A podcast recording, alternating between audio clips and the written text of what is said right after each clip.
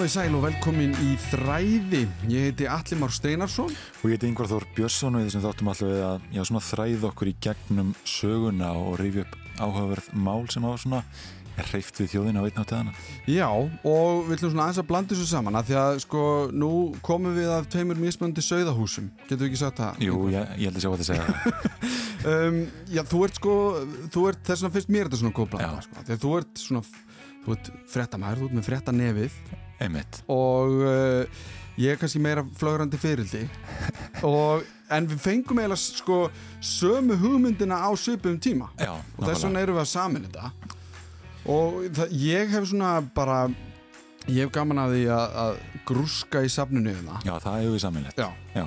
og mér finnst uh, gaman að finna spólur sem er kannski ekki búið að taka inn í kerfið eða reyna að finna eitthvað sem að er ekki farið yfir á stafrænt form og gá hvort að einhver staðar leynist einhverjar svona einhverjar gersemar sko sem er getur oft verið tímafrækt sko. Já, einhverju mólar sem þannig inn á milli. Einhverju mól sem þannig inn á milli. Af því að ég hef ekki sko það sem að þú hefur meira er að þú manst kannski eftir hlutum sem gerðist og, og getur sagt, heyrðu þetta var áhugavert, mér langar til að, að þræða mig einhvern veginn þar sko, þannig að þræðin liggi út um allt Já, já, einmitt. Og okkur langar svolítið að varpa líka ljósi á samtíman með fortíðin Já, sem er að mínum að þetta er besta leiðin einhvern veginn til að skilja nútíman og allt sem er í gangi, það er einmitt að horfa tilbaka og pæla hvaðan kom þetta, hvað erum við búin að vera að tala um sömu hlutina bara í mjög mörg ár og kannski hljómar það alltaf eins og við sem að tala um þá í fyrsta skipti. Já, já, það virðist einhvern veginn vera.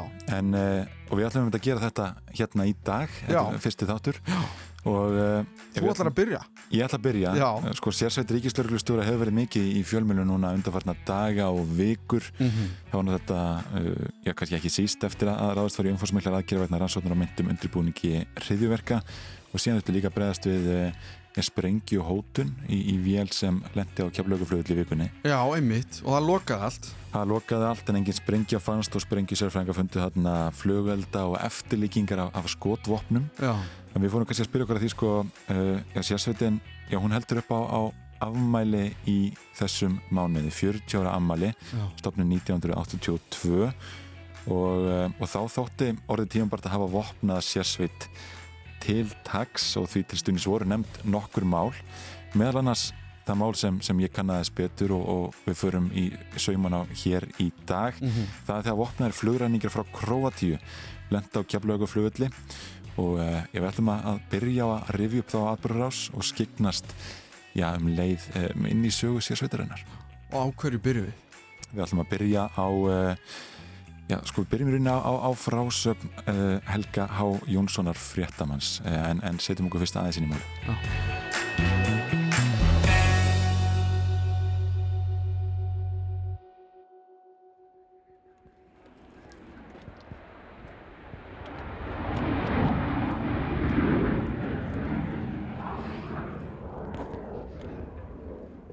Aðfaranótt lögadagsins 11. september 1976 rændu kroatískir sjálfstæði sinnar Boeing 727 þóttu Transworld Airlines sem var nýfarin í lofti frá LaGuardia flugvelli í New York.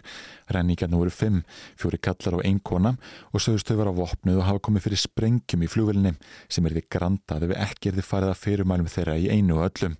Þá höfðu þau komið fyrir sprengju og Grand Central lestastöðinni sem sprakk þegar lauruglumenn reyndaði aftengjana. Eitt lést og fleiri særðust. Sjálfstæði sinnar vildu með þessu draga aðtiklað sér og málstanum og kröðust þess að dagblöð byrtu yfirlýsingar þeirra og vildu drefa bæklingum um frjálsa Króatíu yfir stórborgir. Förin var fyrst heiti til Montreal í Kanada og þann til Gander á Nýfundalandi þar sem nokkrir týjir farþeðam fengið yfirgefa vélina en um 60 voru ennum borð þegar stefna var tekin yfir Allandsafið og ákveði var að lenda á Keflavíkur flúvelli til að taka elsneiti og önnur vél fyldi þótunni yfir hafið. Helgi Há Jónsson fréttamaður lísti atbyrðar á sinni á Keflavíkuflugvelli en utan ríkisaraðunitinu hafði verið gert viðvartum fluguránið klukkan fjögur aðfaranótt lögadagsins 11. september. Núna var vél frá Transworld Airlines að lenda klukkan er 10.58. Við vitum ekki hvort þetta er fylgdavélin eða vélin sem flugræningarnir eru í. Íslensku fréttamennir eru stattir hér hjá flugskili út á nokkur hundru metra frá flugbröðinni. Og vélin er núna á leiðinni að eldsneitt spílunum á brautarenda. Við erum hér í fyllt bandarískra hermana og fóringið er að vera rétt til þess að skipa þeim að leggjast niður. Nú er vélinn um í staðar. Nú sígur hún að staða ný áttin að eldsneitisbílónum og er hún stansað aftur. Rauður bíl líklega frá slökliðinu kemur til mótsveðana. Við vorum rétt til þess að fá þær fréttir að þetta er vélinn með flugræningjana. En hvað varðum hinn? Hinn er á flugi hér upp yfir, flýgur yfir rétt í þessu. En vélinn hér út á brautinu er of langt í burtu til þess að við getum séð hvað er að gerast. Hér á Keflavíkurflugvelli er allt þraut skipulagt með til, til tilfella eins og þessa. Og bandaríski lífsfóringin sem er hér með okkur var rétt til að segja okkur frá því að, að bandaríska lauruglan hér og, og flug, flugvallar lauruglan íslenska hefðu einmitt fyrir fáum dögum síðast rætt hvað gera skildi, borðið saman rásinn um það hvað gera skildi ef flugvélaræningar kæmi hingað. Nú koma hann að bíla með rauðu ljósum og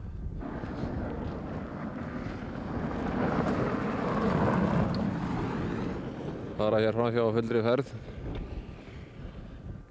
Vélinn heldur enn kýru fyrir hann út á brautinu og það er ekki að sjá að dyrnar hafi verið opnaðar. Vélarnar enn í fullum gangi. Samkvæmt síðustu fréttur sem við fengum er ræningarnir fjórir, þrýr kallmenn og einn kona. Og með sprengiefni spennt á sig í beltum til þess að geta þá sprengt sjálfa sig og vélna þá leiði í loft upp að þörf krefur og eins til þess að erfiðar að séum vik með allar mótaðgerði því að þá verður ekki hægt að koma á þau skoti án stór hættu fyrir farþegan og vélina ef svo ógæðu samlega vildi til að slíks er þið þörf. Við vitum ekki almenlega hvað er um að vera en þó er talið að, að það sem ástendur sé það að flugræninginni vilji ekki leifa flugstjórnum að dreipa á vélónum en, en hann vil á hinbóin ekki taka bensín með vélandin í gangi því að það er stórhættilegt. Klukkan 25 mindur í 12 fór þó að draga til tíðenda og fjölmjöla fólki var skipað að koma sér fyrir inni í flugskili þar sem ekki sæjist til þeirra frá vélinni og stuttu síðar nálgæðist bensínbíl vélina. Klukkan núna verða kortir í 12 og núna er verið að setja bensín á vélina samkvæmt þeim upplýsingar sem við fengum núna rétt í þessu frá flugturninum. Hérna frá séð sjáum við ekki bensínbílinn því að hann er hinum megin við vélina en engin, út úr vélina hefur engin maður komið. Nú bætast þér fleiri fréttamenn í hópin að voruði seinir fyrir. Það er búist við því að, að taki um það byrj þrjá stundarfjörðunga að fylla vélina bensinni. Erum við fara að kólna hérna í gjólinu á miðniseðinni. Síðarætti Helgi við Stefan Kristinsson, starfsmann Óljufjörgsins SO, sem hafiði ásamt samstagsmanni dælt eldsneiti á þóturæningjana. Svo, og þeir sáðu okkur að við ættum að kæra hægt eða rólega að vélinni. Svo þegar við konum rétt að vélina þá gefur uh, flugmaðurinn okkur merkjum að stoppa. Svo rétt á eftir merkjum að koma að vélinni og þetta gekk svona allt vel fyrir sig.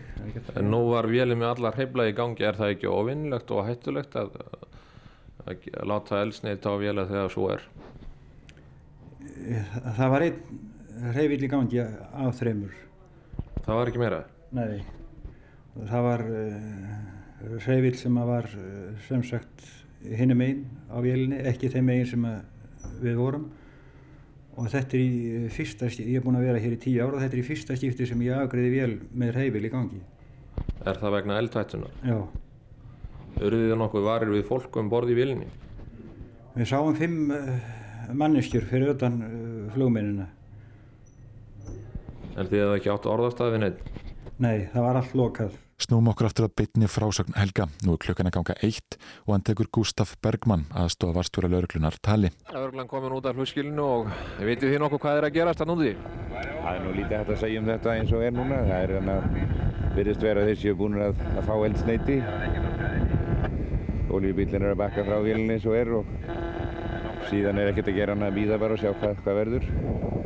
Þeir þurfu ekki meiri bensín en þetta til þess að komast til meilansins? Ég efast nú um það. Það er ekki þannig sagt að, að þeir hafi verið alveg á tómun tank þó að þeir hafi lent hérna. Þannig að þeir kunna þurfa að hafa þurft aðeins viðbót til þess að komast á áfangastað. Þið voruð einmitt að ræða þessi mál við bandarísku laurunum um daginn. Já, þetta kemur alltaf af og til upp diskussjónum um, um, um þessi mál, svona möguleikan á, á hlutum eins og þessu sem er að skilja núna og verður kannski, það, það maður veit aldrei hvernig þetta kann að þróast. Núna vandar klukkuna 20 minnir eitt og enn þá hefur ekkert gerst hér úti. Núna rétti þessu var þó Volkswagen senduherrabíl að akka upp að vélinni og hefur núna staðansað rétt fyrir fram á vélina og er væntanlega að sækja þennan pakka sem um var talað. Pakka með bæklingum að þeirri vitum best sem eiga að fara í hína vélina og þaðan áfram til London. Og kemur einhver út úr bílnum.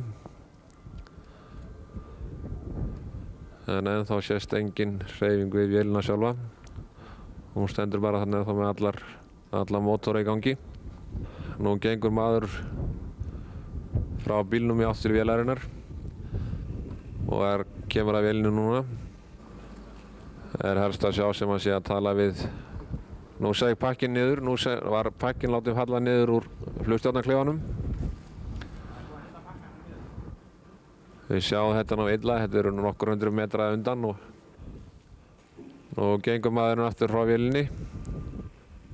Það er snýr aftur, við sjáum nú illa hvað, hvað hann er að bóra þannig.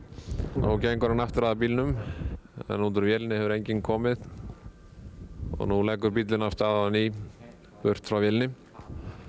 Það þeirrið bestu vitum er ennþá allt óráðum það hvenar vélinn fer hérðan og hvert eða jafnvel hvort hún fer hérðan á næstun að minnstakosti.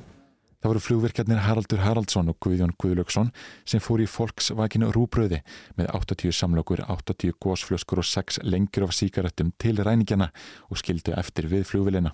Við fórum niður að vél með mat og sóttum þessar töskur. Sáðu þið þá nokkur mann? Hittið þið þá á máli? Nei, við sáum engan en við hérna aftur á móti sá ég hérna flugstjóran og aðstofaflugmann og eitt flugrjáningjan sem stóð bak við flugstjóran því að hann opnaði eitt glugga á stjórnklefanum vinstra megin til að láta töskurna síga nöður. Áttur þið nokkurn orðastað við flugstjóran? Hæna hann bent okkur og einu sinni í, í talstöna sá okkur hvernig við ættum að stansa. E, Virtist ykkur sem flugræningin væri vopnaður? Það sá ekki það að það dimmt inn í stjórnklefanum að þú sérð ekkert þannig inn. Það er engin skelkur verið í ykkur? Nei, nei, það held ég ekki. Þið tóku við tveimur töskum frá flugræningunum. Hvað var í þeim? Það voru einungis hérna áráðusplögg fullt af blöðum, brentum, bæði á ennsku og fransku. Sáu þið hvað stóð á þeim? Nei, ég svo það ekki. Hvað áttu þið að gera við þessar töskur? Það er að fara um borð í TW-vélina sem var 707 sem beigð upp við flugstöð og á leiðinni baða törnun okkur að stansa þegar við varum komin úr auksín flugularinnar, hinnar sem að ræningjarnir voru í og þar komu sprengja sérfræðingar og, og tóku töskurna til að átta gegn og lýsa og gá hvort það eru sprengjefni í töskunum. Og reyndist svo að vera? Það reyndist bara að vera pappirar. Þessir bæklingar sem þú varst að tala um? Já. Þannig að þið hafið þá farið með töskurnir yfir í hinna vilna og... Já, síðan þegar þeir voru búin að skoða töskurnar og innihald þeirra þá fórum við með það út í hinna vilna. Núna er klukkan rétt rasklega eitt og vélina löðast að. Sígur núna eftir brautina í áttina bílónum. Þeir báðum að fá um það byrj 17.000 lítra af bensínu og það mun næja enn til 5 tíma flugsæða þar um bíl. Við hér úti í flugskilinu hefum engar fregnir að því hart haft hvert þeir ætli sér.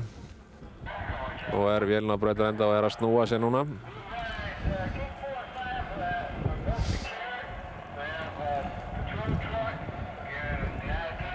Það er allt útlut fyrir að við ætlum að losna við ræðningjan á þess að vandraði verði. Það er nóg, snýr hún sér aftur. Það er eins og þeim sé ekki, hafi ekki alveg ráða við sig hvað þið ætlaði að gera. Og voru nánast góðan að sama stað og hún var aðan. Það snýr þó öðruvísi. Og hún ætlar að velja aðra flugbröð heldur við heldum á hann. Og nálg, er hún óðum að nálgast, fer hér fram hjá okkur skamt undan eins og heyram á vélarhljóðinu. Ljósmyndarennir mynda nú myndavélarnir í gríð og erg hér allt umkring.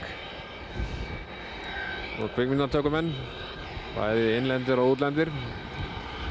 Nú er vélinn hér að fara fram hjá okkur örskamt undan. Þannig að maður greina fólk gegnum gluggana. Á undan vélinni ekkur bíl og fylgjana á flugbröðina. Nú fer fyrir vélina á loft 707 vélinn. Núna er klukkan sem næst 20 minnir yfir eitt og núna er síðara vélina að fara í loftið. Renn er núna á stað og þar með erum við lausir við þann ófagnuðin.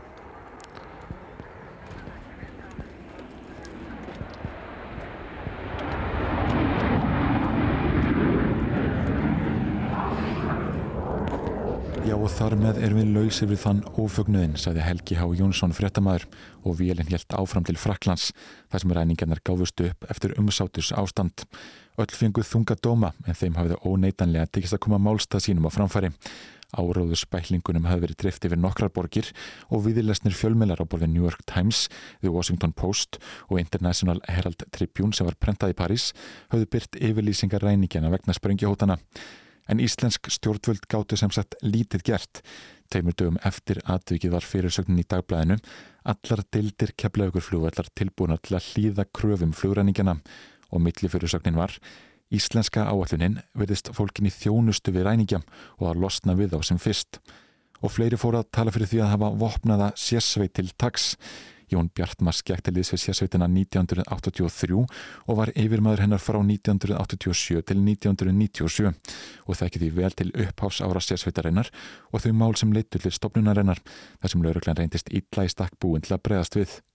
Og þetta eiginlega verður til þess að dómsmannar áttið í viðræðan við laurugstjóranir Reykjavík það er ákveðið að, lauruglan Reykjavík sem velji út hópmanna til þess að byrja að þjálfa aukna vopnaþjálfun allir lauruglumenn fengu jú í samlega sér vopnaþjálfun í, í lauruglun náminni og, og því var viðhaldið. En þetta var ákvæmlega takmörku þjálfun.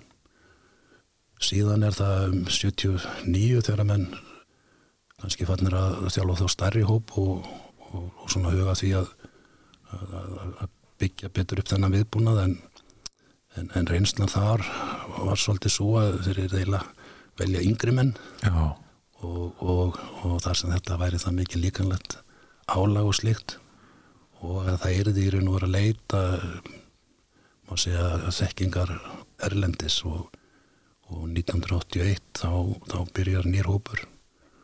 Og síðan eru fjóri lauruglumenn sendir út til Noregs 1982 og nýlega náskið á Norskostjæsutinni og 1980 þá hafði Arnur Sigurjónsson sem þá var í liðsfanninganámi í Nóri færði í gegnum þessa sömu nýlega þjálfun. Og hann sagt, er síðan til ráðandi starfa hjá, hjá Lörgnur Reykjavík 1982 og sérsettin stelst stopnu það ár. Mm -hmm. það er svolítið misjamt hvaða dag við höfum haldið på amalið en, en, en, en allavega var það 82 sem hún er stopnuð og, og síðan var haldið fyrsta nýlaðanámskeiðið á Íslandi 1983 þar sem að ég fór í gegnum og byrjaði sérsettinni síðan voru haldið nýlaðanámskeið aftur 85, 87 og sannlega annan tök námskeið að vera haldinn í Haldingarlandi og, og eitthvað um 125 lauruglumenn farið í gegnum svona nýlaða þjónun Já En við skoðum þessi mál þetta 1976 og kannski sérstaklega þegar vopnaðar flugræningi lenda á, á kjapleuguflugvilli. Hvernig var lauruglun í stakk búin að bregðast við þessu? Hún hafði sko í fyrsta lagi ekkert skipula, enga þekkingu og ekki þjálfaðan mannskap. Þannig að hún gati sjálf þessi líti gert annað en kannski að horfa flugvillinu utanfrá og það var heldur ekki þekkinga í svo kallar samningafræði eða fórtul og samningafræði þannig að menn svona kannski höfðu ekki helduburðinu til þess að leysa máli með þeim hætti. Og endinu var svo að flugvelinu var lift í loftið og, og hérna sem í sjálfum sér er ekki alþjóðlega skuldbynningar eru og þá veru að, að það beri ekki að leipa þeim í loftið ef þeim flugránum ræða. Mm -hmm. það beri að, að, að tryggja þar komist ekki í loft en, en, en það var eirun og var ekki um það að ræði þessu e, Sérsveitin er stopnið þarna já, tala um 19. oktober 1982 en eitthvað misandi svo að segja hvernig haldið er upp á amalið en uh, þegar þessir fyrstu menn fara til Norex í, í þjálfun hvað eru þeir nákvæmlega að læra og hvað er kent á þessum fyrstu námskeiðum?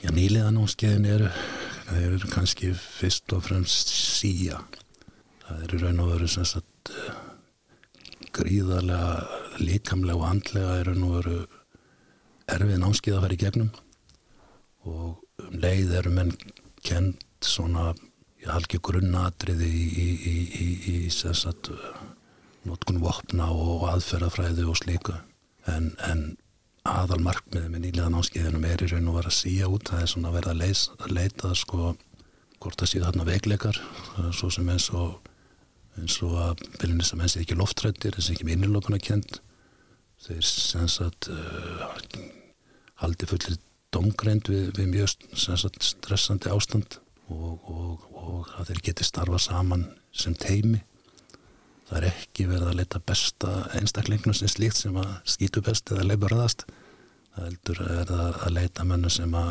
að uppbylla þessa krítiríur og, og geta starfað í sveit sem hluta teimi Þú gengur til liðs við sérsveitina 1983 og ert yfir sveitina 87-97 hvað engendi þennan tíma? Hver voru verkefnin fyrst og fremst og, og eru þau og voru þau allt önnur en, en þau eru í dag? Ég sko það það er kannski fyrsta svona áberandi sérsveitaverkefni var í svo kvöldlega Danielslip sem er hérna við Mýragötuna þar sem að maður hafi genguð í götunar og vatnar reglabess og skjótand út í loftið. Þetta er einhvern tíman í kringum 1983 eða 4 en síðan voru alltaf við sjáum sér ími svona verkefni sem að vera að handtaka hættulega menn eða, eða eitthvað slíkt og það væri ekki svona ábrandi og síðan hefur sérsettin náttúrulega í kringum alla þessa já, bæði ofinbæra heimsóknir og, og alltjóðlega fundi og, og, og slíkt og þá hefur hún hlut, stóru að gegna. En innan sérsettarinn eru líka starfandi sprengisérfræðingar og eins er uh, kavarahópur þannig að það eru líka slíkverkefni sem verður list. Og upp úr 1990 þá hófustu handa við að, að, að þjálfa upp lauruglumenn í samningatekni þeir eru raun og veru svona hliðsettur hópur en samt hluti af sérsettinni og koma í dag úr ymsum deildum en betts ríksljóstjóra í upphafi sóttu við það nám til bandarísku alríkslörgluna sem var framalega á því sviði þannig að það eru mjög margbreytileg verkefni sem sérsettin sinnir. Frá 1992 þá tóku við upp það fyrirkomulega að, að, að, að manna eitt, eitt bíl þar sem sérsettin menn voru með vopni í bílunum á höfðbúkarsæðinu en þeir voru eftir sem áður á þeim tíma en já, nei, fyrir þann tíma þá komuður úr ímsum deildum gerði það verkum að þeir voru teknir í æfingar eða, eða, eða þjálfun og þá, þá raskaði það starf sem annara 92 eru þeir allir konir í almenndildina en þá um leið halda þeir áfram að raska raska starf sem almenndildarinn þeir þurft að fara í þjálfun eða verkefni. Og það er ekki fyrir 1999 sem að sérsettin er flutt á undir forraði ríksljóstjóra sem að bera ábyrð á, á stjórnun uppbyggingu og þjálfun og, og öðru slíku. Að hún er gerða svona deild á landsvísu með reglugjörð og hefur starfað þannig síðan. Mm. Og það er maður rétt að segja hvað enginn þetta kannski svolítið mikið þá, þá engildi þetta svolítið mikið sko, af nú veru hvað hún var fjársveld og fáminn og mikil skortur á búnaði til þess beininins að geta æft eða leist margvæslega verkefni. Og það breytist í sjálfum sér ekki fyrir en kannski 2004 þegar að ákveðið er að, að allir sé að setja menninni færi stundi stjórn ríksljóstjóra, það er að segja þeir verði starfs með ríksljóstjóra mm -hmm. og fyrir þann tíma frá 99 voru þeir í sjónu sér bara yfirmenninni sem voru starfsmenn okkar þó henni kæmi síðan í þjálfunni eða verkefni og síðan 2005-2006 að þá er það ákveð ríkstjórnarinnar að stórefla sérsettina og hún eigi að vera 52 menn mm. Hvers veitir það ákveð?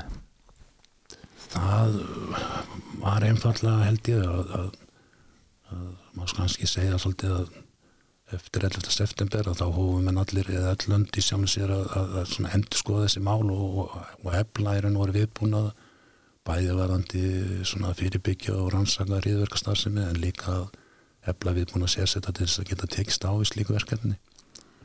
Menn hafi svolítið gert sig grein fyrir því að við, við erum að standa á eigin fótum Já. og þá væri sem þessir matið það að lámarstæri væri um 50 manns. Og hvernig staða sérsveitarinnar núna þegar talað er um nýjan veruleika? Breytist hlutverkanar með samfélagsbreytingum og alþjóðavæðingu? Og svona ríðverkastar sem við sjálfum sér verður engi landamæri og heldur ekki skipuleg gleipastar sem hún er, er alþjóðleg og, og mjög skipuleg. Vissulega hefur verkefnunum fjölgað en, en, en, en í grunninn er, er þetta sjálfur sem samt kannski sömu verkefnir sko og má svo sem segja að þó að Ísland sé jú eitt friðsælasta landið í heiminum og þá geta svona atbyrði gest hér. Og, og menn þurfa bara að vera meðvitaður um það og vakandi og, og undirbúa sér til að takast á það.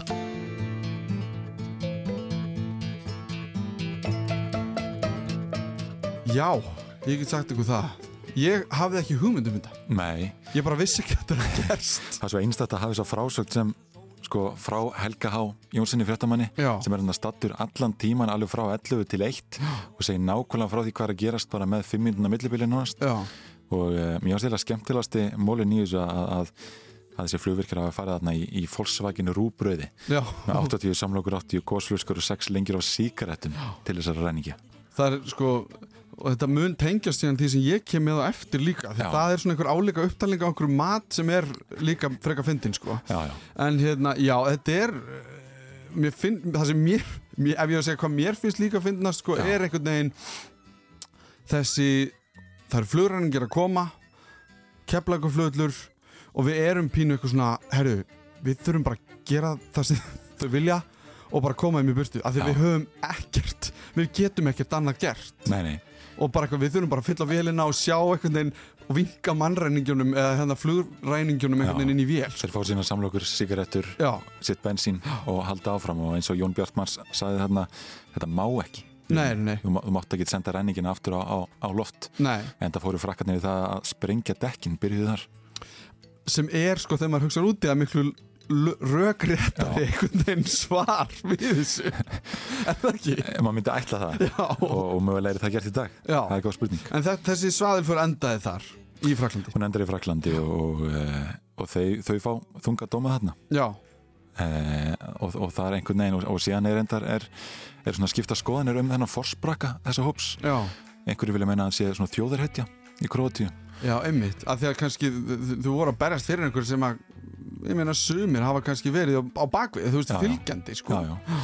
berist fyrir frjálsi Króatíu og síðan var einhverja frástöðinu það að, stjórnvöld þar í landi hefði alltaf talað fyrir því að, fá hann út úr fangelsi og hefði svona hálf tekist það uh, hann fekk lífstíða dóm já, en uh, færa að, að uh, lifa síðust ár síns uh, lífs uh, sem frálsi maður já, er það er það? svona, svona nokkuð fráls allavega Nokkuð frjáls, Já. ok Allavega, já, það er eitthvað það er eitthvað allavega En þú ert með meira það, og það er af öðru tægi, er það ekki? Það er af allt öðru tægi við ætlum að hoppa einhver uh, já, við ætlum að hoppa alveg til 1997 og ræða áhugavert mál. Kannski ekki alveg alvarlegt. Nei. En það er þegar eh, já, Ólafur Ragnar Grímsson, Davíð Oddsson, fórseti Alþingis, fórseti Hæstaréttar og biskupsréttari festast e, saman inn í liftu sem er ekki, ekki mikið starf en eitt fermetra starf.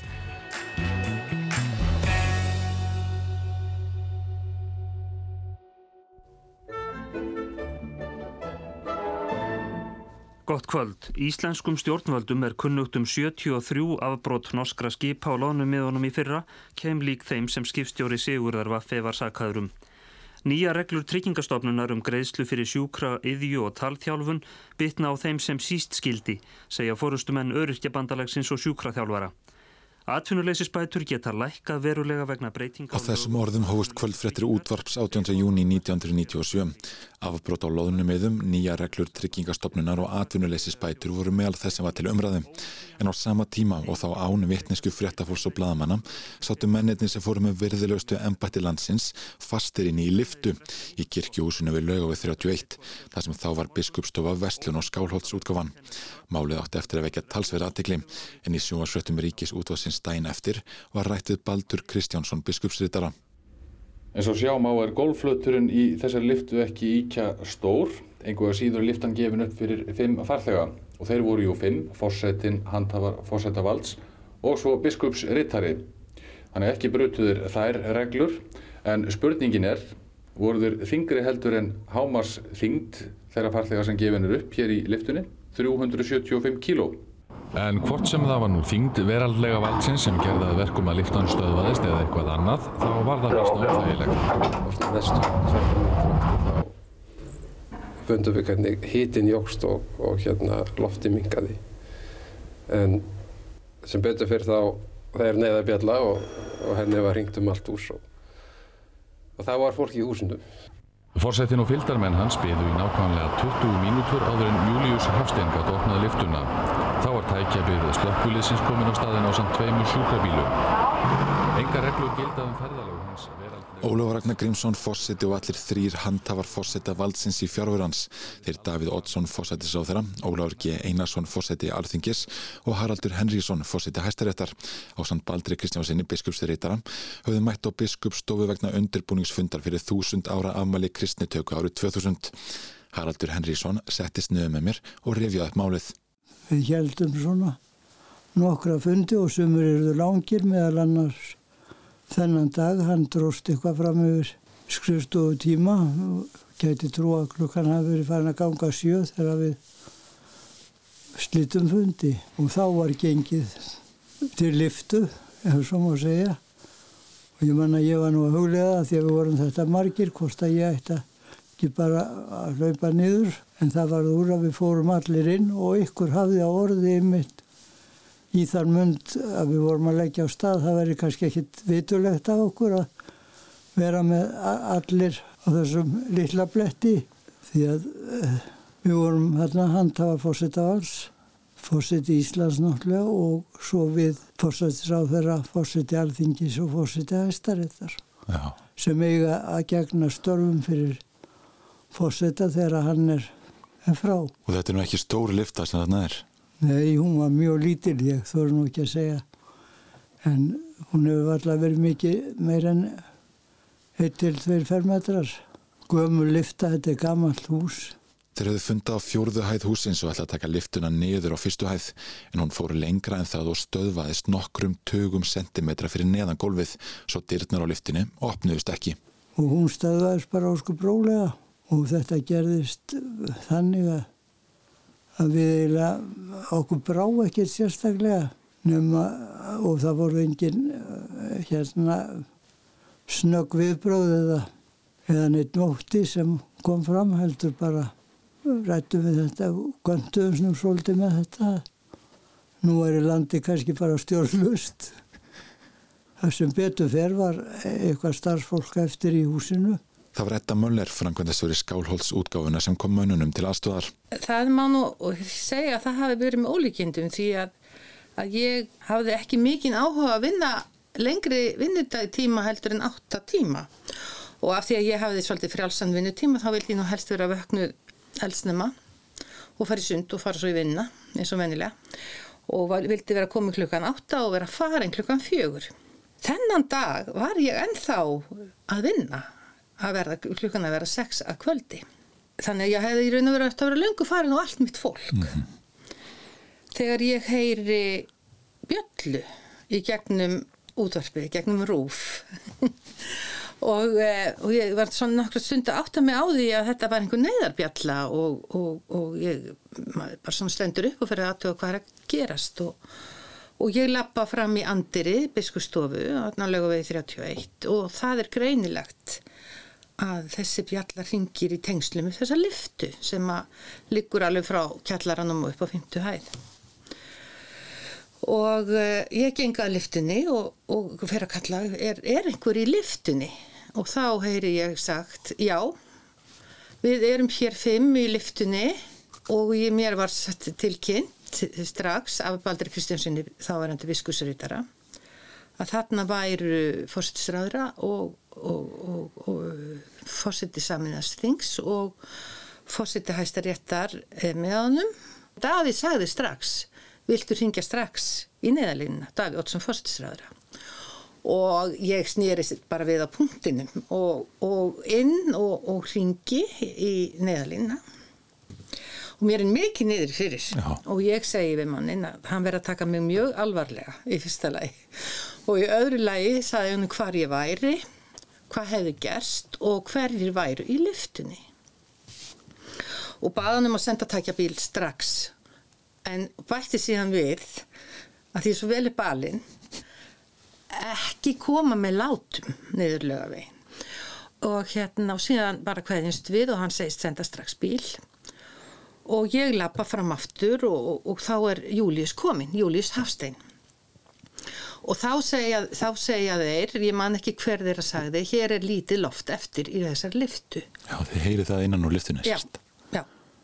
Og getið þið fundið einhverja leið til þess að, að, að, að reyna að spenna annaðins í sundur? Og, og e, e, við Július við drýfum okkur inn í Veslunina kirkjúsi og, og ég er að segja satt hann, Július Hafstein, hann greip e, Þorlagsögu Helga eftir Sýra Sigur Sigursson fyrirvirandi áður vikslubiskus í Skálholti og sem ég hafði nótabeina gefið út sem útgáfastjóri Skálasútgáfunar og ég hleyp inn á, inn á lager og hugsa hvað, hvað, hvað? Sé þá þetta risastóra höklaherðatrí og grýp það, þetta er tré, svona svikt tré svona stór útgáfa af herðatrí og ég hleyp fram. Og Július er komin að undan mér og hann hann hann tók þetta svo alvarlega að hann, hún tókst að spenna einhvern veginn, þetta er nánast ekki hægt, hann tókst að spenna hurðendnar í sundur svona, og stinga þorlagsögu helga inn.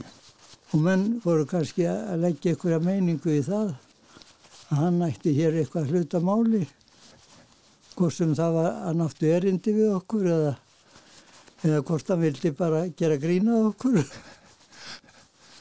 En var tíminn lengi að líða? Nei, mér fannst hann ekki lengi að líða, mér fannst bara furðurlega fljótt brúðist við. Eina sem háð okkur var að loftleysi auðvitað á svo lilla rými. Þorlákssaga Helga var þenni nýtt við að opna rifu á dyrnar en meira þurfti til. Og síðan kem ég og hann spennir meira og ég kem þessu tveggja sentimetra herðatrí á milli. Og þá létti nú mönnum. Þá fór, fór menn nú átt að segja á því að, að þeir myndi nú líklega að hafa þetta af. Og og e, mér fannst þessi tími líða gríðarlega hægt. Gríðarlega hægt. En verð allt í hennu vörð við það á þessari stundu að það eru fleiri í liftinni.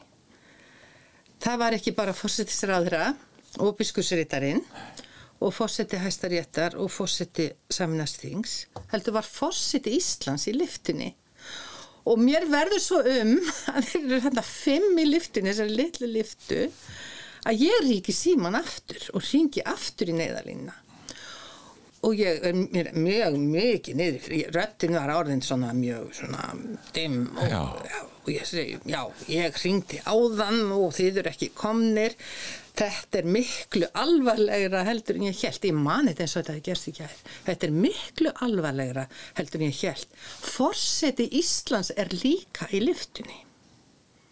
Og hver voru viðbröðin, hinn minn á línni? Þeir segðu bara, já, við takja bílinir á leðinni, niður lögaveginn og nú var ég náttúrulega hættu að tala um að hafa þetta verðulegt.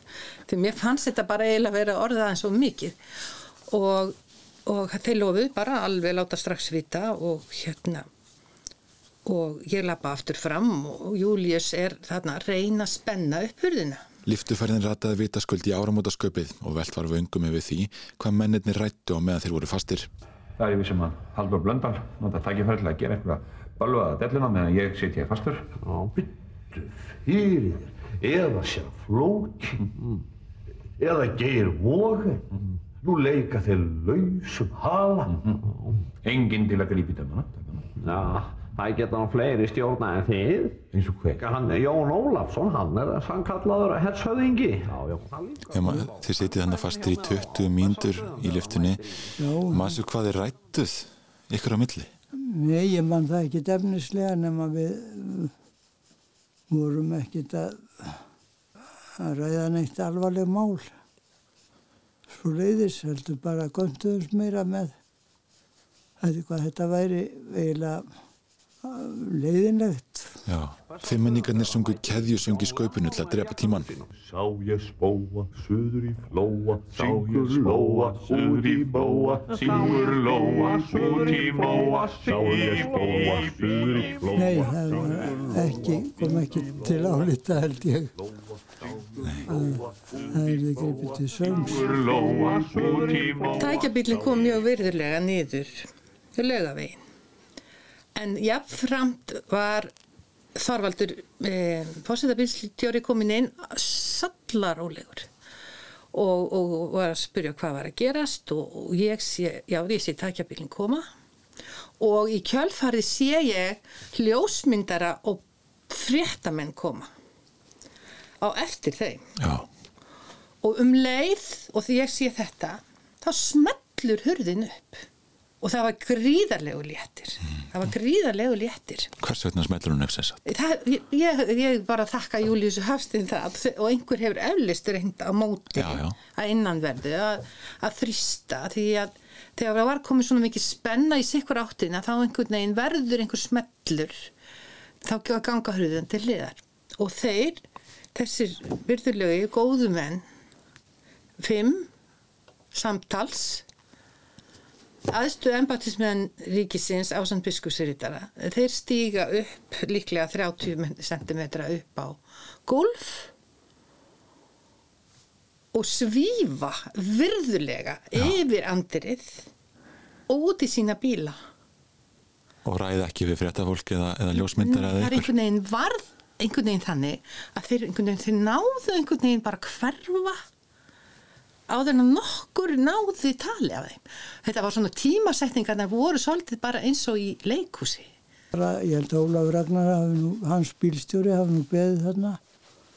En við Ólafur Einarsson gengum saman niður lögaveginn. Við fórum nú ekkit, og svo hvort til síns, ég fór nýri í hæstarétt og hann sjálfsagt á sinn vinnustad. Já, sjálfsagt höfum við losna við að hitta fjölmjölamenn. Þetta voru tvei ljósmyndar og þrjir bladamenn sem voru mættir og þeir gripi í tómt og þegar eina sem þeir hittu var, var ég mm -hmm. Július Hafstein og engin annar Nei. við stóðum þarna við Július Hafstein bara í andirinu og ég held að við hefum bara verið orðlaus og, og sko að bara þetta reyndi á að, að, að upplifa þetta því að þótt að veist, menn er að lokast inn í liftu hér og þar en þetta var þetta svona atbyrður sem að sem ég gleymi aldrei. En eitt í viðbútt ég fór í eitthvað viðtal, ég man ekki við hvern hvort að, ég sagði það allavega við einhvern bladamann já það myndi ég nú vilja fá að hlusta á þessi tvö samtöl mín við neðarlýnina já.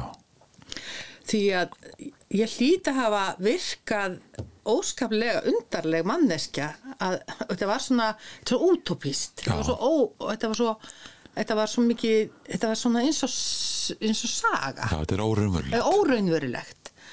Tveimtugum setna kemur maðurinn á skrifstofu hjá mér rétti mér umslag og í umslæginu var upptaka af samtali mínu við neðalínuna hann sagði þér jáfnframt eh, ég má alveg segja frá þessu, þetta er 25 ár síðan. Hann sagði jáfnframt þetta er nú ekki eh, hérna á hverjum deginn sem við afhendum svona upptökunum þá kannski helst í lörlunar en þú verður að hlusta á það Já. og þetta var alveg jafn fyndið eins og mér fannst ég þetta hafi verið. Svona ég þurfti að sannfæra, ég þurfti að vera svo sannfærandi að ég væri að segja satt, þetta væri ekki saga sem ég væri búið til, þetta væri raunverulega að gerast og, og einhvern veginn já, sannfæraði um þetta. Og ég verða að viðkenna það eftir á. Þetta hefur setið svo fast í mér og ég hef svo oft rifjað þetta upp bara með sjálfri mér að mér finnst raunverulega og ég er nú sakfræðingur að ment mér finnst ég raunverulega hafi verið hluti að Íslandsögunni e, svona eftir á Já En eh, hafði þetta þau áhrif að liftinu var eitthvað breytt? Þorðir þú að fara í liftuna strax eftir þetta? Nei, ég hljópa sko, þegar ég þurfti að fara upp á 50 hæði mat þá tók ég þann, þá, á, þá hérna ákvörðun að hlaupa hann upp, hlaupa alltaf upp. Það er náttúrulega gott fyrir mig og svo hljópil niður aftur. Ég, ég, ég var aldrei hrætt við liftuna þannig að ég hafði bara engað áhuga á því. Mér fannst þetta, það, þetta virkaði þannig á mig og ég hafði engan sérstakann áhuga að nota þessa liftu og ef að það, við þurftum að nota liftuna til þess að fara nýra lagur í kjallarnum þá baði ég þessi stúlkurna eða konurna sem unni með mér bara góðfúslega að fara niður ég hefði, ég vil, ef, ég, ef ég þurfti að taka liftuna með kassa upp þá baði ég þær um að gera það. Þannig þetta hafði svona vissulega áhrif. Já, já. Fórstu aftur í þessa liftu? Nei, það held ég ekki öruglega ekki en fundir voru nú ekki almennt haldnir í þessu húsnæði Nei.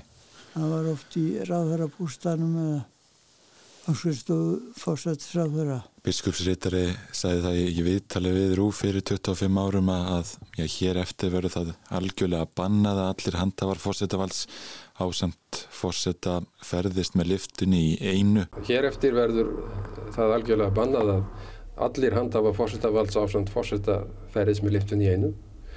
Í öðru legi er, er, hefur lagt bann við því að biskup ásamt báðum vikslubbiskupum ferðis með liftunni og í þriðarlegi með að hjón aldrei fara í liftuna saman. Var einhver alvara í þessu? Var reglunum breytt? Ég man ekki eftir að hafa verið gerðarinnar skriflega reglur þetta bara að leita sjálfu sér að við hugsuðum hugsuðum okkar gang og það kom aldrei til áleita aftur að við færum yfirgæfum fund með þessum hætti.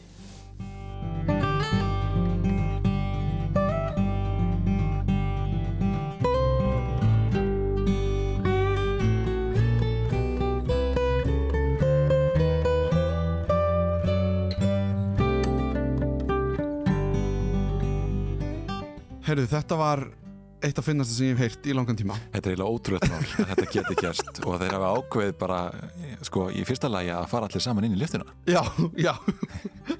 Sko, já, ég það eru nokkru hlutir, sko. Við þurfum að byrja því að því að hún Uh, hún hérna sem þú tala við, Edda já, Möller uh, bara því hún nefnir að hún hafi fengið upptökunar en, en þær voru bara tindar eða eitthvað, við höfðum ekki Hún leitaði að þessum upptökum sérstaklega fyrir okkur já. og fann ekki. En, en einstakt á Íslandi að eiga upptökuna já. af því þú ringir í neðalínuna en, uh, en maður skilur að það þurftur náttúrulega smá sannfæringakraft að sannfæra lauruglunum það að, að í liftunniðinni mm -hmm. væri fósetti Íslands að væri fósettisráður að fósetti hæsturéttar, fósetti þingsins biskupsritari, ég veit ekki hvort að, að já, allir myndi trúa því Nei, og þegar hún segir frá því hann í frásögninni að hún líti inn og sjáu að þeir eru fleiri. það var of mikið fyrir mig. Það já. var bara, að, að, að því ég myndi mér einmitt eins og hún segir að það sé bara surrealist já. að þannig séu eiginlega bara aðstu ráðamenn þjóðarinnar. Allir inn í þessar litlu liftu sem er först Þetta er eiginlega ótrúlega mál. Þetta er ótrúlega mál. Herðu, en við ætlum að klára þetta á uh, einum pistli. Og hann er frá hannum Kristjáni Bersa Ólafsinni og ég fann þetta bara, þetta voru skýslum hérna hjá okkur og ég leitaði bara og var að lesa yfir þessar skýslur og sá það sem var kallað mér dattað í hug. Rappþættir frá 1977 og þarna voru nú allskynns svona personur að, að tjá sig held ég. Uh, en meðal annars hann, Kristján Bersi. Og efnistökin virðast bara hafa verið einhver. Bara það sem þeim langaði til að tala um. Já, og Kristján Bersi er þarna Kristján Bersi er sko bara svona til að segja aðeins frá honum. Hann er, sérst, hann fættist 1938 og hann dór 2013 og var merkilegur náðungi var til dæmis skólastjóru við Flensborgarskólan 72 Uh, og skólameistari þegar hann var breytt í fullbördarskóla og hann er þar ósliti í starfi til 1999 þannig að hann er á þessum tíma er hann þá skólameistari uh, Flensborgarskólans virkur stjórnmálum og það sem ég finnst einmitt daldi gott með við umræðana núna undanfarið er að hann var virkur í stjórnmálum og satt meðal annars í stjórnstrætó fyrir hönd Hafnarfjörðabæjar Já Þess má geta að Bersi var sá eini í stjórninni sem tók strætisvagn til og frá fundum. Já, já, einmitt, það rýmar ákveðlega við samtíma. Er það ekki? Jú. Þetta er eitthvað sem við erum að tala um enn þann dag í dag. Já, já, akkurát, þegar, þegar helmingur stjórnamanna notar ekki strætun. Já, bara 100% Já. og það sem er eiginlega uh, sko ég seldi þér hugmyndina að ég að taka þetta fyrir út af því bara hvernig hann byrjar pistri og hann er í raun hvað var, hvað var að segja, hann er að pæli í hvernig hefðastjættin og hvernig ímynd velmegunar, velgengni og svo leiðis er að breytast Einmitt, og þetta er mikið, það er mikið rætt um þetta núna hvað, hvaða matarkúru fólk er á og, og, og hvernig, hvernig best sé að vera einhvern veginn, næringin og allt þetta. Og ég hafði bara ekki pælt í því að einu sinni þótti bara kannski daldið flott að vera feitur. Já, við erum með góða ístru Já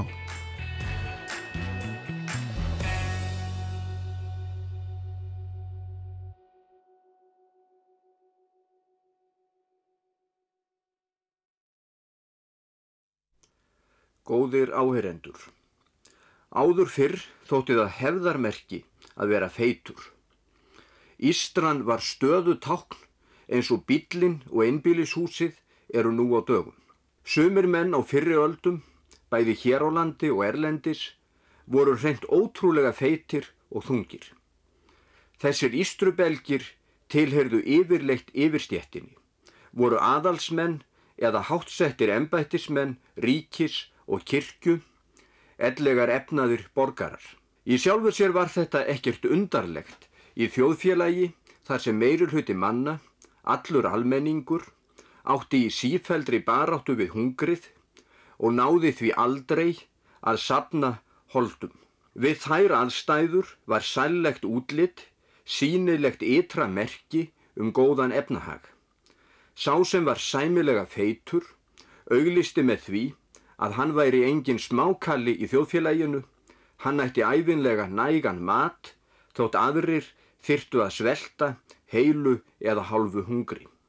Hóraður almenningur leit upp til hennar holdugu yfirstjettar, öfundaði hana en um leið kendi oftu besku yfir þeirri miskiptingu gæðana sem byrtist í stjettaskiptingunni horrenglur ístrubelgir. Þessi beskja kemur til að mynda fram í vísunni alkunnu ef að dauður almúgin úti lægi á fróni mætti ske að mörfömbin minkað á sér að jóni. Höfðingjar fyrri alda urðu ekki feitir af engum. Þeir verðast hafa etið ein reyðinar bísn margir hverjir en það erfitt um vik að sinna neyslukapplupi þeirra tíma í öðru en áti og lítilsáttar kvennafari þegar bestlétt.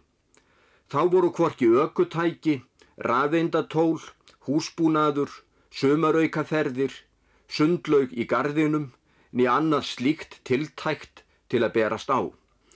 Í staðin fyrir allan þann markáttaða og fjölbreytta óþarfa sem nútíma menn neyta í einhverjum skilningi orsins, áttu fyrri tíma menn færri kosta völ og því eðlilegt að þeir gengju af þeimun meiri atorku að neyslu þeirra gæða sem er höfðu aðgang að sem fjölbreytnin var ekki til að dreifa kröftunum.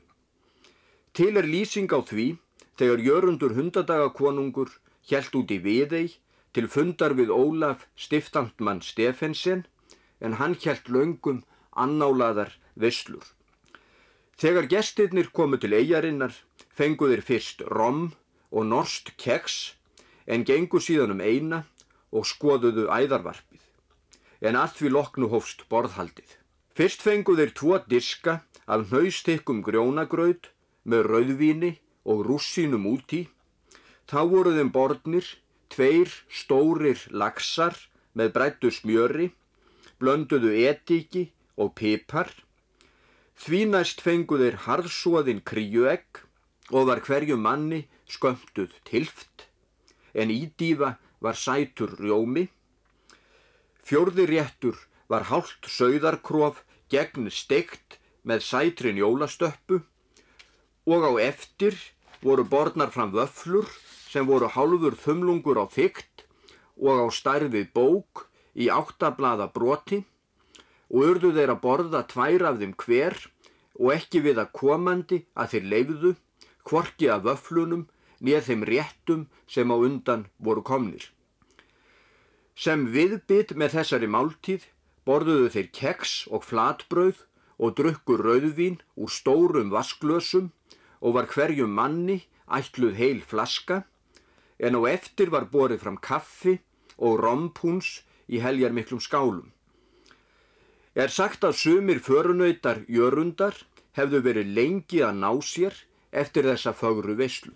Sko, mér langar aðeins til að staldra við hérna Já. af því að uh, núna er Kristján búin að tala, eða sko lesa upp það sem þið voru að borða þarna og ég talaði um þegar við vorum að hugsa, tala um hérna þegar við vorum að fara yfir flugránið hvað var það? Það voru einhverjir Þeir mæta með 80 samlokur, 80 góslöskur og, og 6 lengir af síkarettum en þetta, sko það bliknar bara samfæri við, við þetta veisluborð það er nefnilega málið að sko, bara, ég vil einhvern veginn bara svona aðeins staldra við svo að við skautum ekki yfir að þetta er sko rom og norskkeks þegar þeir mæta. Já. tvo diska hnaustökum grjónagrötu með rauðvin og rúsinum úti Já. sem er sko feiki nóg fyrir, það er máltíð. Og gott að taka fram hann en hausti ykkur hann er hnaustökur uh, tveir stórir laxar með brættusmjöri blönduði etikjupipar Já. þetta er alltaf mann sko. Já, já. harsóðin kríuegg tilft. Er það ekki tólf? Jú, jú, það er tólf. Tólf kríuegg.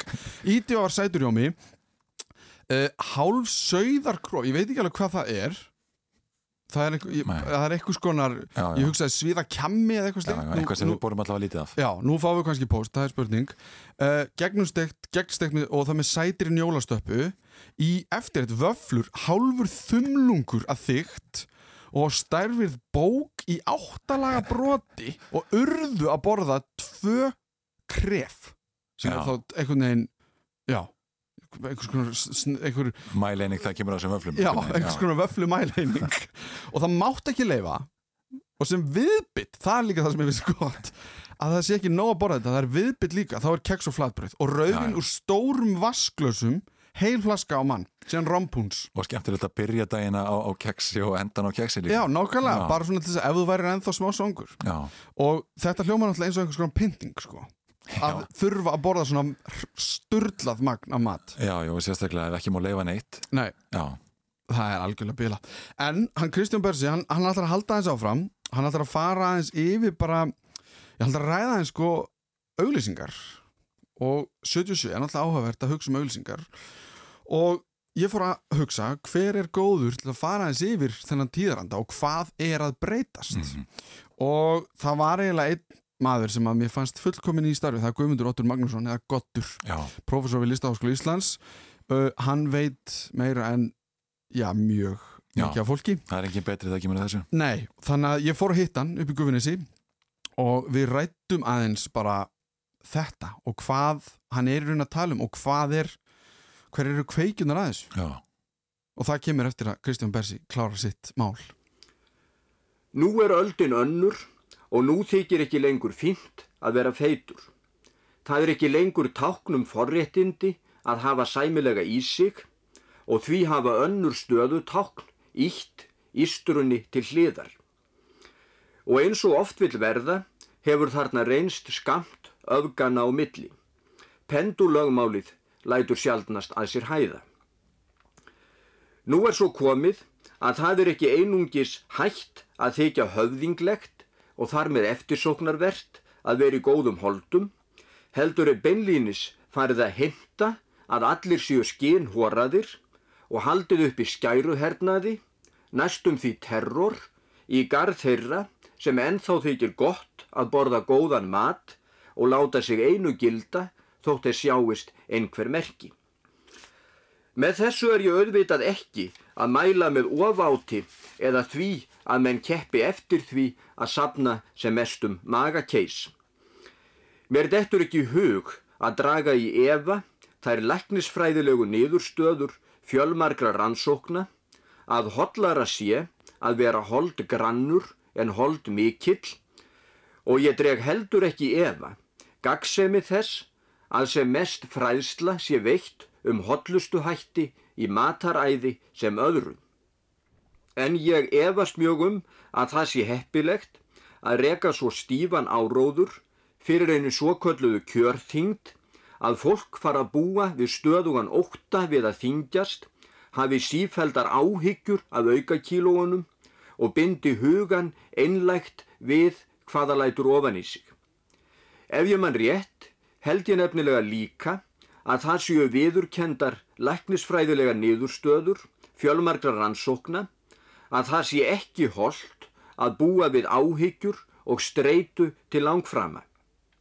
Og þá er mér spurn, hvers eru menn bættari, þóttir auki ævilíkur sínar um einhverja mánuði eða ár með því að stunda megrunarkúra, ef streitan sem af því hlýst stittir þessar sömu ævilíkur um leið, kannski um álíka tíma.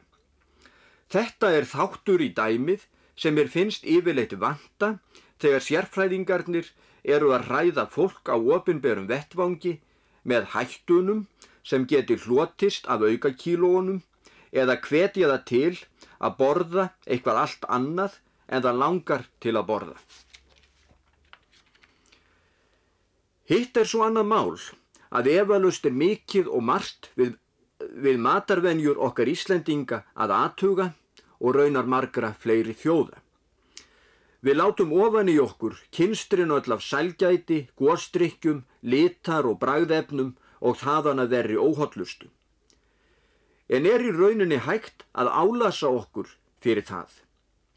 Að sjálfsögðu kaupum við þau matvæli sem er á markaðnum, borðum það sem auglýsingarnar segja okkur að sé ljúffengt og hressandi og bæti meldinguna og komi skapin í lag og svo framvegis og það er ekki við okkur að sakast ef það kemur svo á dægin að við séum með þessu að kalla yfir okkur allskynns sjúkdóma og hrellingar. Og ég fæ ekki séð að það sé líklegt til að bæta neitt þótt gerðar séu tilraunir til að æra upp í okkur hræðslu við afleiðingar þess að við höfum trúað gillingum auglýsingaðinaðurins. Slikt er miklu fremur til þess fallið að slíta okkur í sundur, auka á streytuna og öryggisleysið í tilverunni. Á aðra hönd standa glæsiverslanir og sjoppur og sjónvarsauðlýsingar og tískan og súfylking öll og rópa, aukiði neysluna, prófiði þetta, reyniði hitt, en hins vegar kalla læknavísindin og sérfræðing, sérfræðingarnir, þið eruð að drepa ykkur fyrir aldur fram, hættiði, hættiði, ekki borða þetta, ekki snerta hitt, látið ykkur næja, elspýtna stokk af kjöti, engar veslur eins og Ólafur gamli Stefensen hjælti við þeir. Hverju eigum við svo að trúa? Öðvita trúum við auglýsingun, framleiðendun, sölumönnun, umhverfinu. Þessi fylking er einfaldlega sterkari en hinn, hefur meiri fjárráð, meiri tæknikunnáttu við heilaþvottin og meiri völd til að fylgjónum eftir með margvíslegum, pólitískum og fjármálulegum aðgerðum. Hinn aðilinn stendur þarna langt um ver að vígi, hann er ofan á allt saman að berja á raungum aðila, ver orkur sinni í að hræða okkur, neytendurna, sem í raun réttu erum aðeins þólendur í þessu stríði, stöðpúði sem ítt er á frá báðum hliðum til skiptis. Í stað þess að hann ætti auðvitað að ráðast til atlögu við hinn raunverulega óvinn, þann harsnúna flokk sem lifir á því að selja okkur óhóllustu. Sér þörf á því að beita terror, ætti sá terror auðvitað að beinast að þessum aðila, ekki okkur sem höfum nóg á okkar könnu fyrir. En sjálfsagt þykir slíkt ekki árennilegt og kannski er líka hægt að rekna það út með hagfræðilegum aðferðum að heppilegra sé og arðvænlegra að hafa allt eins og það er, selja okkur fyrst vörur sem valda offitu og sjúkdómum og selja okkur síðan læknislif og megrunarfæði fremur en að láta okkur fá heilsusamlegan kost í upphafi. Á þessum tíma líka þá er byrjað að gefa út miklu fleiri litprentuð blöð. Það er að segja að prenttekni fyrir það, þann stað að það er miklu auðveldara að prenta litmyndir og myndefni og myndefni hefur svo mikil áhrif á auðlýsingagerð og ímyndasmíði og þú svona eins og maður segir sko að, að, að maður trúir lengur en maður og líka hvernig semst myndmál nær miklu fyrr til manns því það fer eins og maður segir sko beint í undir meðutundina áður það fer tíma til þess að hugsa og sko hugsa eins og maður segir gaggríni hugsun það sem þú fer að greina allt niður í, í það kemur alltaf eftir á. En, en öll áhrif á fólk sem varða hvað sé fallet, hvað sé ljótt og hvað sé spennandi og ekki spennandi fer beina leið nýr í fyririldi í maganum. Og þú er búin að kaupa sko skó áður að fer að hugsa. Af því að þú, þú, þú, sko, þú fyrir, fyrir bara réttlætt að hef ég efna á þessu eftir á eða ef ég spara þarna þá get ég hérna þá hef ég kannski efna á þessu að gera þetta skiluru og, og það er þetta sem hann er svolítið að, að, að, að sko að sem varða ímynd, það munin á yfirstjettinni að, að yfirstjettin hún, hún, hún er, hún er sérsagt á, á öldunum á undan hún hafði ekki þetta, þetta, þetta fjölfölduðu sko, innrætingu. Það er að segja að það var bæði erfitt að prenta myndir að það var yfir, yfir höfuð hægt þá var þetta bara tekningar, ljósmyndi kemur ekki fyrir sent á 19. öld og byrjun og þá fyrir að dreifast sko hugmyndir sem eru myndrænar hugmyndir og á þessum tíma líka þá hérna þá þó að sko íslenskir hérna amtmenn og síslumenn og, og, og, og fólk sem var vel, vel, vel uh, sko átti, átti bestu búin í, þá var það kannski ekki nema kannski, já ég veit ekki hvað, tíu manns í hverju hér sem voru stórbændur sem kannski áttu, áttu mest, mest allt saman. En tíu bændur í hverju hér og við getum sagt, gefa okkur bara það til dæmis að hérðin séu séu hundrað og þetta séu þúsund manns sem voru feitir á þessum tíma en, sko, en þjóðin kannski á þessum tíma 40.000 þannig að þetta er, sko, þetta er svo lítil prósent af mm. hini bara, þú veist, eh, nánast eins og maður myndi segja í dag eh, eðlilega, eðlilega vaksnir er að segja þeir voru hvorki ofið, já kannski voru líka til fátæki sem voru kannski sama prósenta mm. það voru kannski þúsund manns það fátækir að þeir urðu sko voru á framfæri eh, sko sveitafélagsins og svona Sko að því að þú segir að þetta sé svo lítið hlut og við höfum heyrt núna í dag svo mikið talað um 1% sem eru þessir ofurríku og já, allt já, þetta. minnskilningur af því að hlusta á hann já. þarna er að hann sé að lýsa eiginlega 1%inu og hvernig að 1% sé að breytast. Já, það er alveg rétt og hérna og þá sko, þá, þá förum við aftur yfir í world class. Þá, sko, þá verður verðast menn verða ansið og orðinir ansið sko slípaðir og glansandi og verðast hafa tíma til þess að sinna sjálfum sér meira heldur en aðrir. Og líka annað í þessu er það að það er einn tegunda óværu sem að myndast á, það er yðna að framleita matvörur. Og það er svolítið svakalegt þegar sko stórir framleiðendur eins og, og mjölkur framleiðendur séu sé alltaf að fá lengur sko mjölkuvöru á þess að sé búið að setja síkur í hana. Skiluru mm -hmm. og það er þetta margt sem kannski sem og líka hvað síkur er hættulegt efni í afmyndun á líkama. Og átt á því líka að, að, að, að mikið af þessum ímyndasmíð er síndamennska og ma maður veit það sko vegna þess að ég stunda það sjálfur að nota Instagram og Facebook til að láta allt líta betur út heldur en umverulega er skiluru mm -hmm. og þú ætti að nota sko, hérna margir segja að þú ætti ekki að nota Instagram svona mikið þá er þetta að koma að til hvort þá sért heima hjá þér eða ekki er svo miklar upplýsingar um þig. Ég get svo svarið það að all mín framsetning á Instagram er tóm lígi og, og það er að segja hún er allavega verða að fegra ástand og gera það merkilegar heldur að nokkuð tíma er í raun og veru. Mm -hmm skilur, mm. það gerum við flest held ég þegar ég tek ekki nokkuð mark á því þegar það er að segja ég voru gaman að lesa mellir lína ég voru gaman að sjá hvernig maður já ok, ég, ég horfa þetta en ég veit þetta er ekki satt eða ég veit að það er verið að búa til ákveðna ímynd hver er, hver er, hvað er leikriti hér? Já, hvað er leikriti hérna skilur sko og þetta náttúrulega voru menn ekki með sko, hvernig þú síndir valdið þitt að fyrra árum var, var svolítið mikið þetta að, að sína það að þú hefði nú að geta og þú kannski hefði flottari hesta og þú reyðst inn með, með hérna inn á, inn í, inn í, á fórst í kaupstæðaferðin, þá varstu glæsilegur eða þú þurftir að sína valdið, hvernig þú klættir þú, hvernig þú leist út, þá þú þurftir að sína það í, í raunveruleikanum valdið þitt, sko. Og þetta með, af því að honum er greinilega doldið í nöp við auðlýsingar, honum líður eins og það sé verið að plata eða eitthvað, að það sé verið að koma einhverju, ég veldi bara fyrir mér sko að því að í okkar kerfi við þekkjum auglýsingar núna í dag Já. þetta eru bara hlutir sem eru allt í kringum okkur við erum árið miskóði að hunsa þær síja þær út Já. og þessum tíma kannski þegar þær eru, eru litið nýra á nálinni, ég veit ekki ég veit ekki hvernig við byrjum einhvern veginn að pæli auglýsingum er þetta hans baráta við það að hann upplifa eins og það sé verið að plata fólk í fyrsta skipti?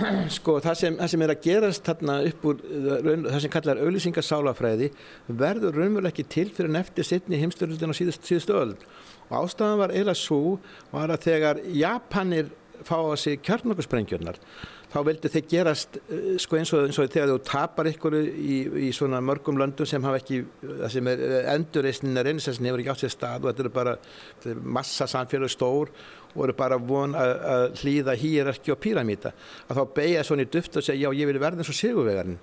Og þeir fara að framleiða bíla taka bíla í sundur og setja það saman og, og, og taka myndavillar og setja það sundur og saman og myndið og, og hérna og slónflutnistæki og kannski hérna voru þetta fín fyrirtæki í Evrópa og Bandaríkjónum svo fá þau nýjum öfn miklu betri sem, sem, sem hérna Nikon eða Canon eða tóku líka jarðítur sem voru bara framleitar í Bandaríkjónum Caterpillar og heita núna Komatsu eitthvað svona skiluru mm -hmm. og þeir vilja fara að auglýsa og þeir skildu ekki vegna þess að auglýsingar fyrir þennan tíma voru venjulega upptalning á staðreindum það er að segja þetta er 320 hestöfl, þetta er 8 sílindra vél og talið upp sko eigileikar sem, sem vörðuðu menn sem höfðu sko áhuga á, á, á verkviti og, og staðreindum og eitthvað svona.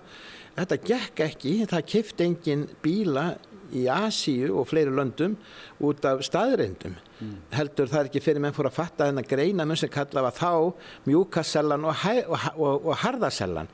Harðasellan er þessi uh, gaggrína hugsun það er rökgreiningin, það er þessi meðvitund um hvað er þetta ekki að vera fullir að neitt áður en hérna þú veist nákvæmlega hvað hægt er að mæla, spegla eða þreyfa á. Nei, þeir settu uh, konu upp á, á húttið á bylnum, hálf nakta með pálmatri og eitthvað, eitthvað rík fyrir aftan, eitthvað, hérna, eitthvað móðu kannski fyrir aftan eða solsetur sem kom, kom bara bylnum ekkert við. En þú kiftir þetta svo skot vegna þess að þú er út að kaupa eitthvað draum. Og það er þetta sem er eiga við með mjúkusellunni að hún vinnur svo hratt, hún fer inn í fantasíðina, draumana þína, hvað þú, hvað þú vilt vera. Og þá byrja þetta, hvernig sköpum við ímyndir í kringum vöru?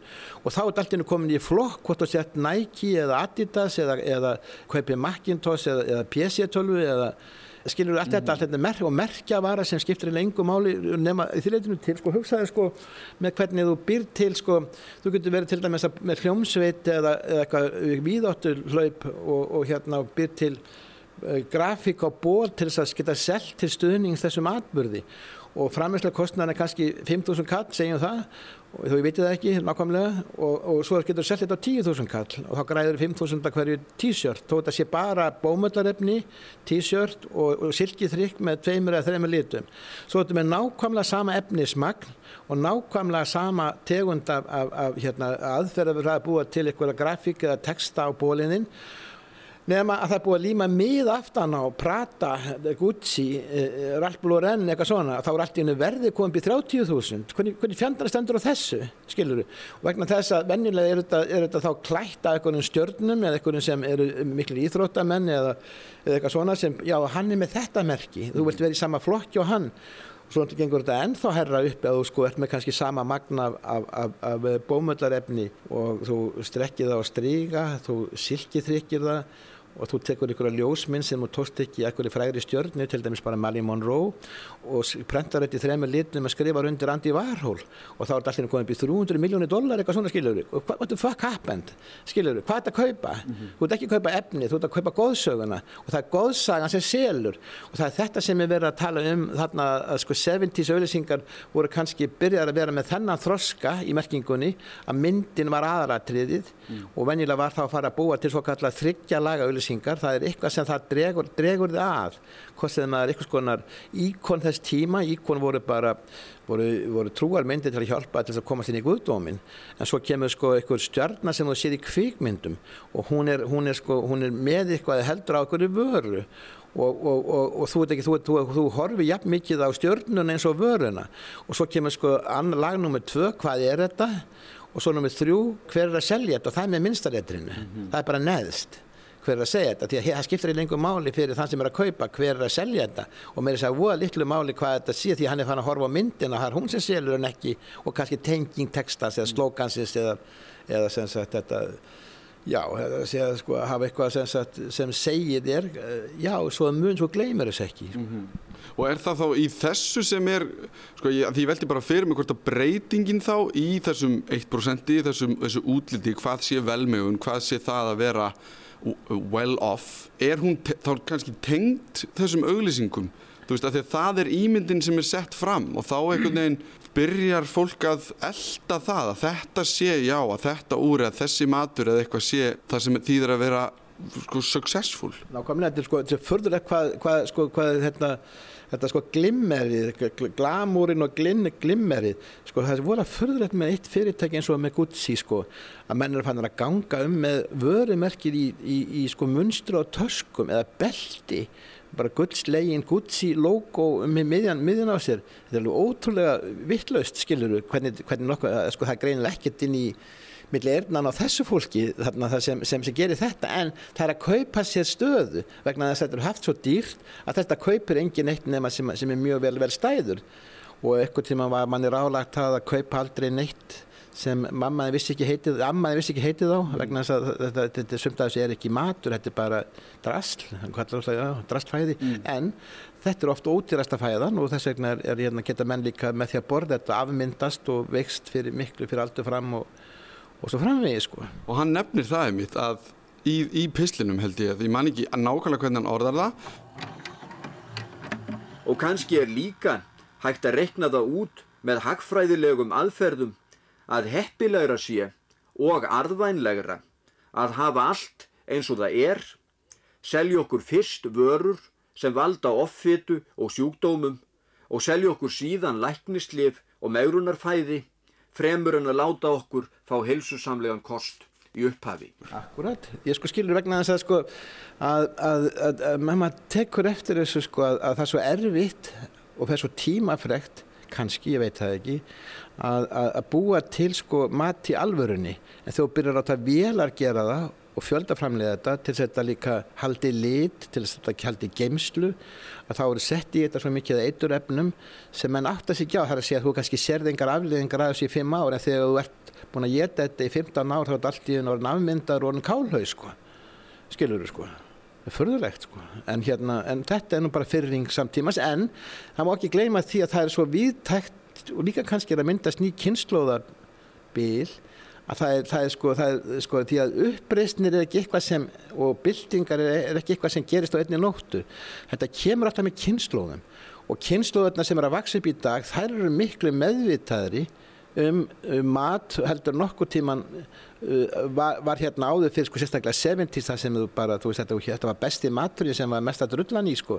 Hvað sem þetta hétt Sirius eða, eða, eða, eða eitthvað annað sko svona einað framlýttu matur. Og, og hann er að, að, að ég er ekkert svartsýtt með þegar ný kynslu er farin að ná þeim aldrei sem hippa kynsluðin og núna öll komin á áttræðisaldur. Mm -hmm. eða sjá, svona sjötugt segjum það. Og þetta er alltaf mann að búið að, að fá sitt tækifæri sem þau eru búin að klúðra á margan, margan hátt. Þar að segja að þeirra bilding hún var aldrei eins djúb þau einhvern veginn seldu sálsína mjög flótlega sko. Og þeir líka sögður líka uppalum að þetta er aldrei að treysta neinu sem er komin yfir þrítugt þau stóðu ekkert við það sko. Þetta var gottur sem kom í kjálfaraðan Kristjáni Bersa. Uh, en það kom að lóku hjá okkur í dag. Já, við komumst ekki lengra. Í dag, verðum hérna aftur næsta sunnudag klukkan 11 Heyrumst á